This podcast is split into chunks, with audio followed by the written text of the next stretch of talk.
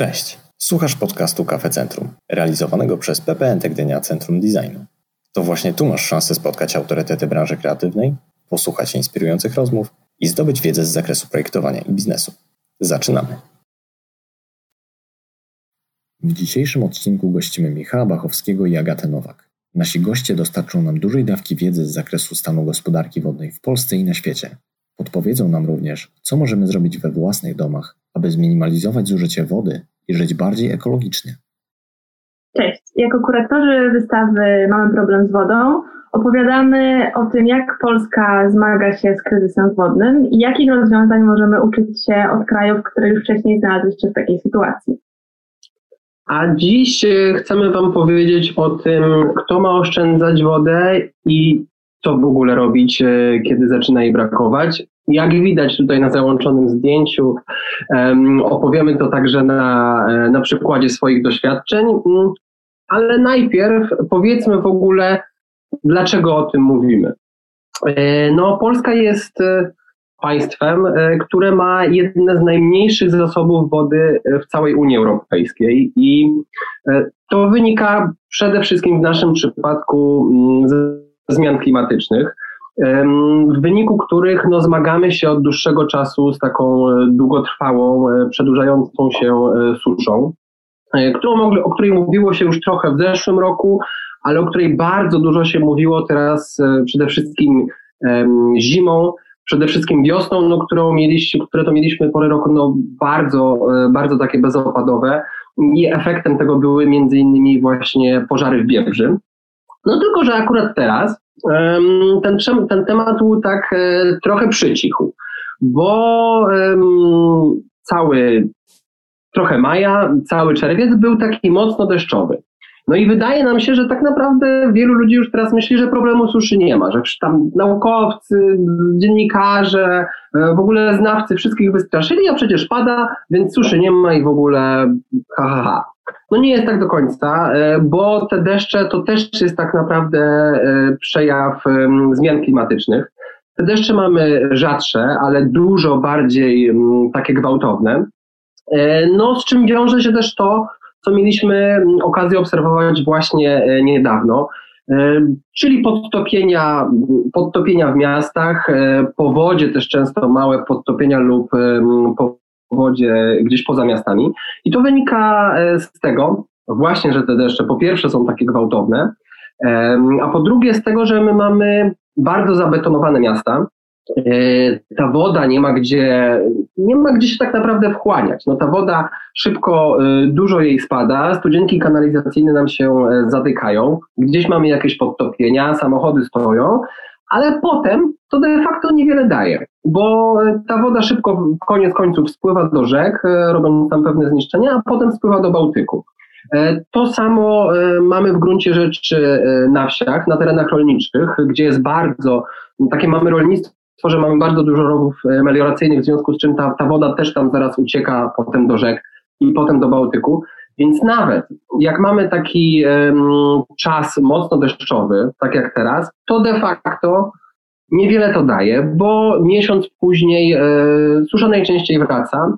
E, dokładnie taką sytuację mieliśmy rok temu. Mieliśmy wtedy takie e, majowe, dosyć duże, dosyć duże stany rzek, ale potem to nic nie dało i potem mieliśmy nową suszę. Prawdopodobnie tak teraz będzie też w tym roku. No i ten problem nie dotyczy tylko Polski, bo jedna czwarta ludzkości zmaga się z kryzysem wodnym. Nie dotyczy to też tylko terenów, które znajdują się, które są suche. Bardzo często kryzys wodny wiąże się z dużą ilością e, ludności, z urbanizacją, z zanieczyszczeniem środowiska i też z bardzo dużym marnowaniem wody. E, dlatego też ciągle słyszymy o apelach, żeby oszczędzać wodę. I tutaj e, chcemy Wam pokazać dosyć ekstremalny przykład Kapsztadu, czyli miasta, które zmagało się właśnie z takim kryzysem wodnym. Był on wynikiem bardzo poważnych susz, przez trzy lata w Kapsztadzie praktycznie w ogóle nie padał deszcz. To doprowadziło do tego, że zbiorniki retencyjne zostały praktycznie totalnie opróżnione i miasto miało bardzo duże problemy z wodą. Dlatego, e, żeby uniknąć tak zwanego dnia zero, czyli dnia, w którym woda byłaby odcięta, jeśli chodzi o dostęp do takiej wody w kranach. Miasto wprowadziło mm, na mieszkańców konkretne ograniczenia. Narzucili im ograniczenia na początku litrów wody, potem w najgorszym momencie było to zejście aż do 50 litrów wody zużycia na mieszkańca na dobę. E, wraz z tymi ograniczeniami stworzyli też e, pewnego rodzaju przewodniki, które miały pomóc mieszkańcom e, stosować się do tych ograniczeń. No i tutaj był bardzo dobry efekt, ponieważ faktycznie wszyscy, wszyscy się do tego stosowali i udało się zużyć, ograniczyć zużycie wody aż o 60%. Tym sposobem dzień zero był sukcesywnie przekładany w pewnym momencie na szczęście zostały, y, na szczęście były opady i sytuacja została poprawiona. Tak, ale mm, dzięki temu, co działo się e, w Kapsztadzie, no de facto e, ludzie nauczyli się bardzo wielu takich, takich codziennych, bo, bo, bo tutaj też te, te ograniczenia były zrzucane, narzucane i na firmy, ale także na, na, na ludzi i na ludzi w domach. I oni dzięki temu nauczyli się takich prostych, praktycznych sposobów e, oszczędzania wody które mogą się przydać nam także w Polsce za jakiś czas, jeżeli u nas ten e, kryzys wodny mm, czy susza będą się e, pogłębiały. I dlatego my też postanowiliśmy przez tydzień e, żyć właśnie tak jak mieszkańcy Kapsztadu. Nagraliśmy w ogóle na ten temat wideo, taki wideo eksperyment, który niedługo będzie miał premierę na Onecie i na Noizie, no bo to jest taka wspólna właśnie akcja Onetu, Noizu, Noiza I, i Gdynia Design Days. Niedługo to zobaczycie, ale my już teraz Wam też e, powiemy kilka takich naszych e, spostrzeżeń z czasu tego eksperymentu. No, przede wszystkim pierwszą rzeczą, którą my musieliśmy zrobić, Mm, no to musieliśmy sprawdzić, ile my tak naprawdę tej wody zużywamy, bo tego się de facto nie wie. No, można, jak się gdzieś sprawdzi jakieś dane, to można się dowiedzieć, że przeciętny Polak zużywa około 150 litrów e, wody dziennie w domu. No my zaczęliśmy to liczyć. No ja na przykład jestem gościem, który bardzo lubi takie codzienne kąpiele. Ja trochę no, standardowo nie wyobrażam sobie dnia bez, bez takiej kąpieli, w wannie, w ogóle bez spędzania tam e, takiej godziny, godziny jakiegoś takiego osobistego relaksu. No tylko, że niestety, no to jest e, równo około 100 litrów wody mm, na jedną taką kąpiel, a jeżeli e, ktoś ma większą wannę, bo my akurat jak tutaj widać, nie mamy jakiejś gigantycznej. No i teraz jeżeli ktoś tutaj z oglądających nas już się bardzo cieszy, że on przecież bierze prysznic, nie ma problemu, no to nie jest tak do końca. Jak ktoś lubi długi, długie prysznice, takie 8-10 minutowe, no to to jest de facto mm, właściwie tyle samo, czyli też te 100 e, litrów wody. Bardzo dużo wody mm, zużywa się też e, spuszczając wodę w toalecie. E, no i dodając te wszystkie, mm, te wszystkie codzienne czynności, oczywiście samo picie wody tutaj to jest e, praktycznie najmniejsza kwestia, bo to jest około 2,5 litra wody dziennie, ale dla nas e, wyszło to rzeczywiście i na mnie i na Agatę, bo Agata faktycznie lubi te długie prysznice, gdzieś po 200 mm, litrów do wody na dobę. Więc, żeby zejść do tej sytuacji takiej, jak była w Kapsztadzie w czasie kryzysu wodnego, musieliśmy ograniczyć e, zużycie wody praktycznie, no nie praktycznie, po prostu czterokrotnie. I no, musieliśmy zacząć wprowadzać e, dosyć konkretne ograniczenia. Taką ciekawostką jest na przykład to, że zamiast e, spuszczać wodę w posiku, to używaliśmy właśnie szarej wody z, z prysznica. Po prostu trzeba się było kąpać w bułkach, co to? Takiej miejsce i trzeba się było kąpać, e, brać prysznic, krótki oczywiście i przerywany prysznic, ale stojąc e, w takiej miejsce, tam się zbierała ta woda, no i rzeczywiście e, można ją było wykorzystywać potem do spiwania wody po sikaniu. W ogóle tu też jest taka fajna dykterika, bo w Kapsztadzie funkcjonowało takie, taki wierszyk, If it's yellow, let it mellow. If it's brown, flush it down. Czyli mm, żółte się rozpuści, albo siku się rozpuści, ale brązowe trzeba spuścić, no my jednak e, spuszczaliśmy mm, każdy, każdy, e, rodzaj, każdy rodzaj pozostałości po załatwianiu się, ale staraliśmy się to, to robić e, w jak najbardziej oszczędny sposób. No i to było też w dużej mierze związane z tym, że no my odkryliśmy, że mamy taki e, stary typ spłuczki, e, stary typ toalety, a takie toalety rzeczywiście potrafiły zużywać e, ponad 50 litrów e, wody na dobę na jedną osobę. Dzisiaj e, nowe spłuczki, nowe toalety, takie jak te na przykład e, firmy Geberit, no są dużo bardziej oszczędne. One zużywają nawet 18 e, litrów wody na dobę, mm, na osobę oczywiście. I to jest związane z tym, że mają no, dużo bardziej takie efektywne te systemy spłuczania, które potrzebują mniej wody. Mają też przyciski z funkcjami start-stop i można też wybierać, czy chce się używać na przykład 6 litrów, czy tylko 3 litry wody do, no, do siku wtedy, wtedy to jest dużo bardziej oszczędne. No tak, ale w tym całym eksperymencie zależało nam też na, na wykorzystywaniu nawet takich najmniejszych okazji, jak, jak deszcz za oknem, jak zbieranie deszczówki, żeby podlać e, kwiatki w domu, bo okazało się, że nawet takie różnice zaoszczędzenia półtora litra e, wody na, na dobę mają znaczenie. Dlatego akurat trafiliśmy, mieliśmy szczęście, bo, bo, bo przyszedł czas po prostu dużych opadów, więc, więc mogliśmy tą wodę zbierać. Prezentujemy też taki no już bardziej profesjonalny program, czyli program e, Złap Deszcz, który został zainicjowany w zeszłym roku po raz pierwszy we Wrocławiu. Była to inicjatywa miejska, dopłat do instalacji zbierających deszczówkę. E, I wiązało się to z najróżniejszymi e, rodzajów beczkami, które które mogły tą wodę deszczową przyjmować i potem e, rozprowadzać. E, wiązało się to też z tym, że Polska bardzo mało e, gromadzi wody, wody opadowej. Podobno gromadzimy dwukrotnie za małą ilość, a, a dzięki takim systemom po pierwsze znowu możemy zapobiec, zapobiec jakimś większym zalewom i do tego zaoszczędzić wodę. Więc, więc program został uruchomiony w tym roku na nowo i już z dużo większym budżetem. Tak, ja może tak też e, jeszcze uzupełnię, że mm, to też jest taki no, promyk nadziei, można powiedzieć, no, promyk tego, że, mm, że władza w ogóle trochę dużo, zaczyna się bardziej przejmować tematem, bo też zaczyna się o tym e, dużo bardziej mówić. To jest program Moja Woda, który mm, też między innymi prezydent i minister środowiska zapowiedział w tym roku. I ten program był taki trochę on został tak trochę wyśmiany, bo akurat prezydent zapowiadając go zwrócił uwagę na te słynne oczka wodne. Natomiast jak się zobaczy wstępne jakieś zapisy tego programu, to oczywiście tu nie chodzi tylko o oczka wodne.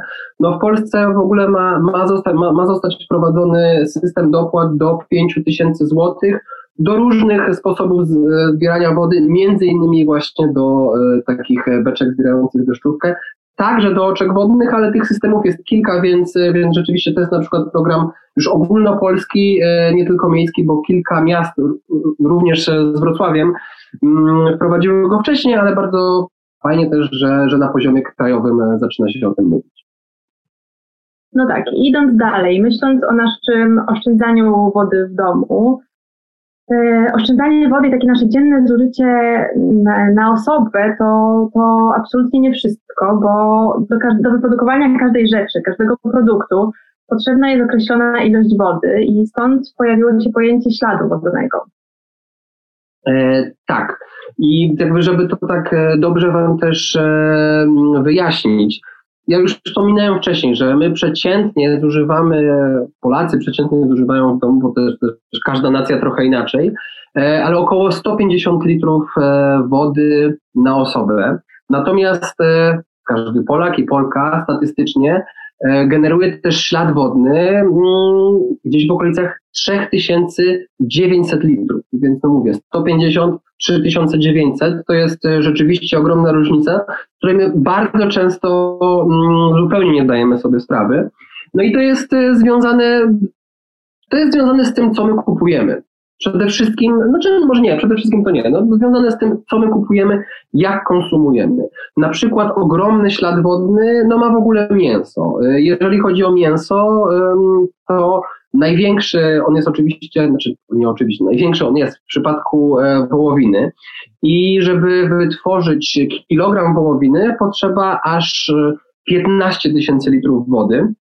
W przypadku wieprzowiny i drobiu to jest trochę mniej, ale generalnie mięso e, zawsze, każdy rodzaj mięsa ma um, bardzo duży um, ślad wodny. Spory ślad wodny ma też nabiał i tutaj trzeba mm, zwrócić uwagę na przykład na ser. Kilogram sera, mm, sera żółtego to jest około 3000 litrów wody, więc dlatego warto wprowadzać dietę wegańską produkty wegańskie do swojej diety. My tutaj oczywiście nie, znaczy może nie próbujemy każdego od razu przekonać, żeby od razu stał się e, weganinem, e, natomiast ten taki fleksitarianizm, czyli trochę ograniczenie mięsa, trochę ograniczenie nabiału i produktów, e, które mają duży ślad wodny, oczywiście może mieć duże znaczenie. Natomiast trzeba tutaj też uważać, bo E, no można e, wpaść w taką właśnie przesadną, taki przesadny optymizm, no te warzywa mm, wszystkie w kontekście śladu wodnego są świetne, no też tutaj trzeba uważać e, na przykład no, niesławne awokado, które niestety no, jest, jest rzeczywiście pyszne. My też bardzo lubimy, ale ma, ma, ma, ma sporo wad, takich związanych właśnie z, z szeroko pojętym zrównoważonym rozwojem i żeby mm, wyprodukować kilogram awokado, E, potrzeba dokładnie 900 e, litrów wody, więc no też warto zwrócić na to uwagę.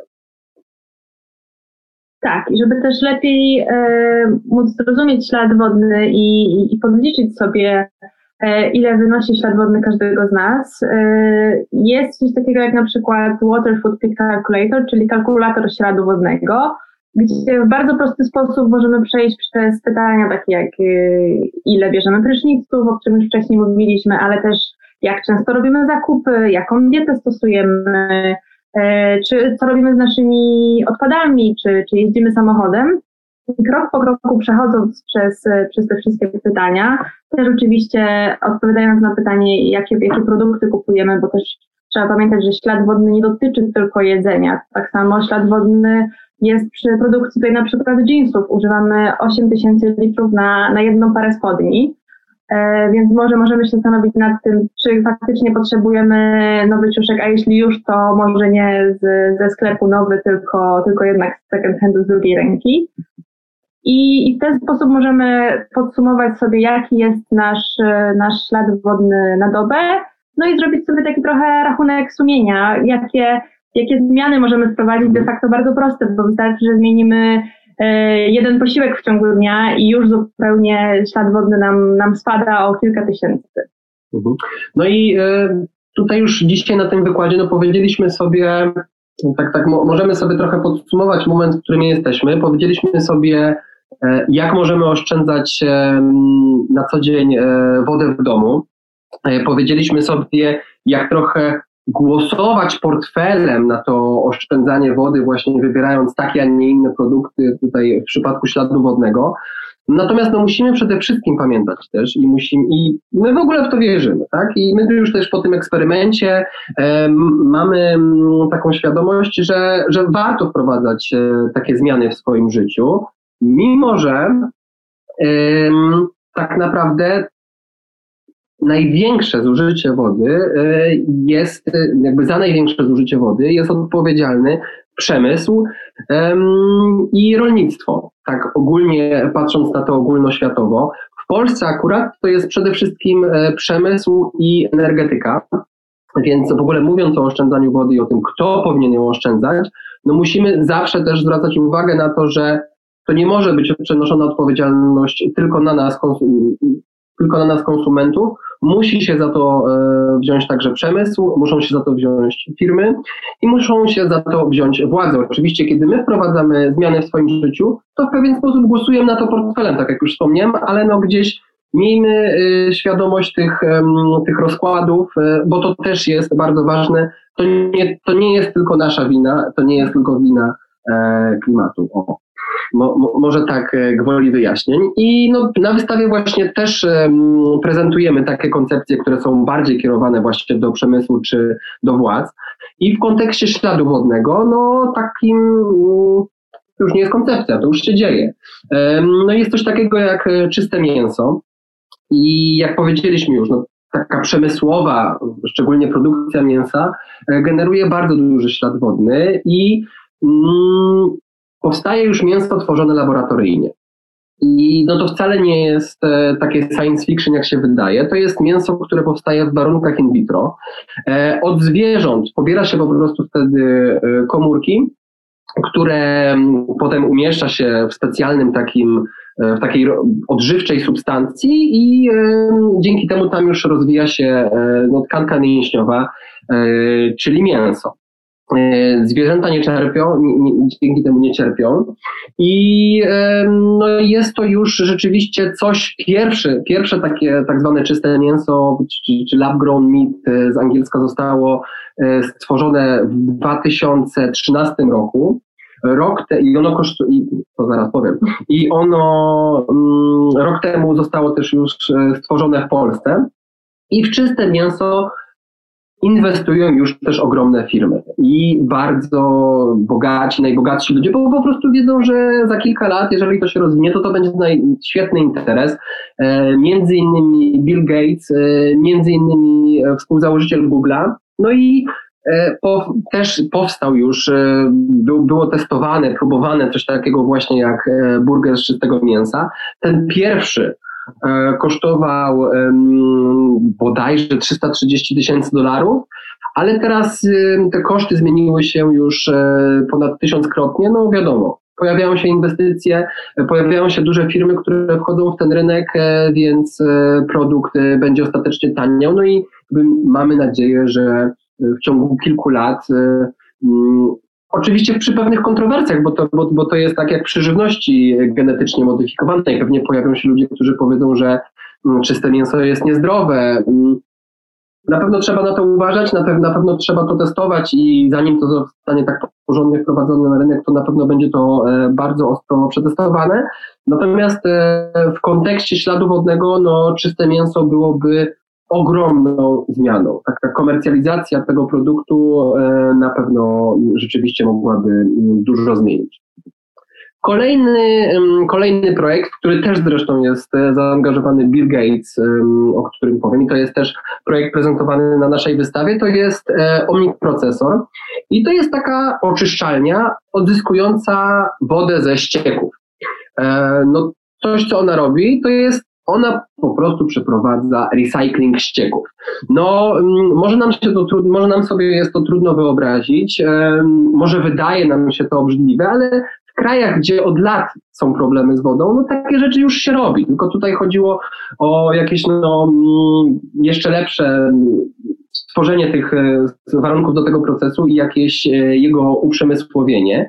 No i omniprocesor działa na zasadzie odwróconej osmozy po prostu te ścieki są, um, są podgrzewane do bardzo wysokiej temperatury, um, dzięki czemu no, część z nich um, zmienia się w parę wodną, która potem jest e, skraplana, no i właśnie z niej odzyskiwana jest już e, czysta woda. I tak e, Bill Gates rzeczywiście pije tutaj wodę ze ścieków, czy też no jak, jak można sobie wyszukać w internecie po angielsku Bill Gates pije wodę z kupy. Tak, to jest właśnie ta woda.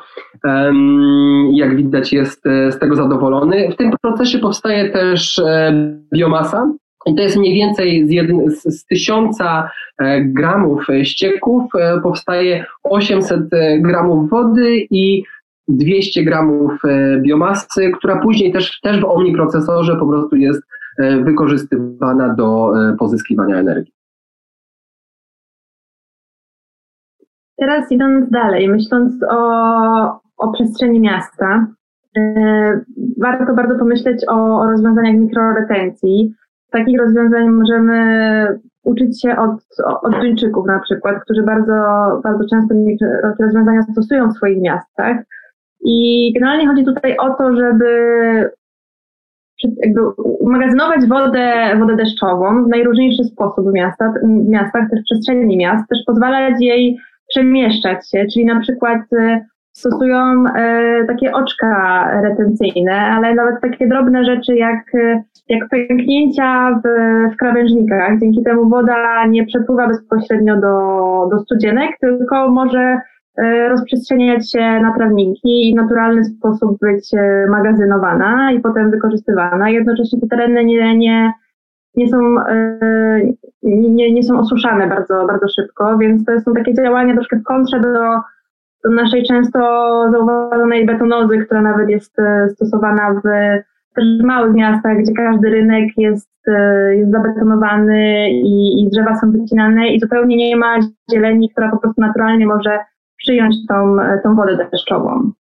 I teraz myśląc o, o problemach e, z retencją, one nie dzieją się tylko w miastach, również w terenach e, poza miastami, w terenach bardzo zielonych, gdzie mamy rzeki, które często są regulowane, koryta rzek są betonowane, ingeruje się także nawet najmniejsze rzeki, przez to one bardzo często albo są, wysychają, albo jak są mocne opady, to znowu ta woda bardzo szybko przenosi się po prostu do, do Bałtyku, bo, bo nie ma się gdzie, gdzie podziać i, i w ten sposób znowu bardzo szybko e, zdarza nam się susza. I powstał program Strażników Rzek, który który polega na tym, że każdy może zgłaszać jakieś ingerencje w strukturę rzeki i, oni e, te, te tematy gdzieś, gdzieś nagłaśniają, ale też mają bardzo taki duży program edukacyjny, który pokazuje, jak, jak, jak zachowanie tych naturalnych struktur rzek jest, jest ważne i jak powinniśmy o te przestrzenie dbać.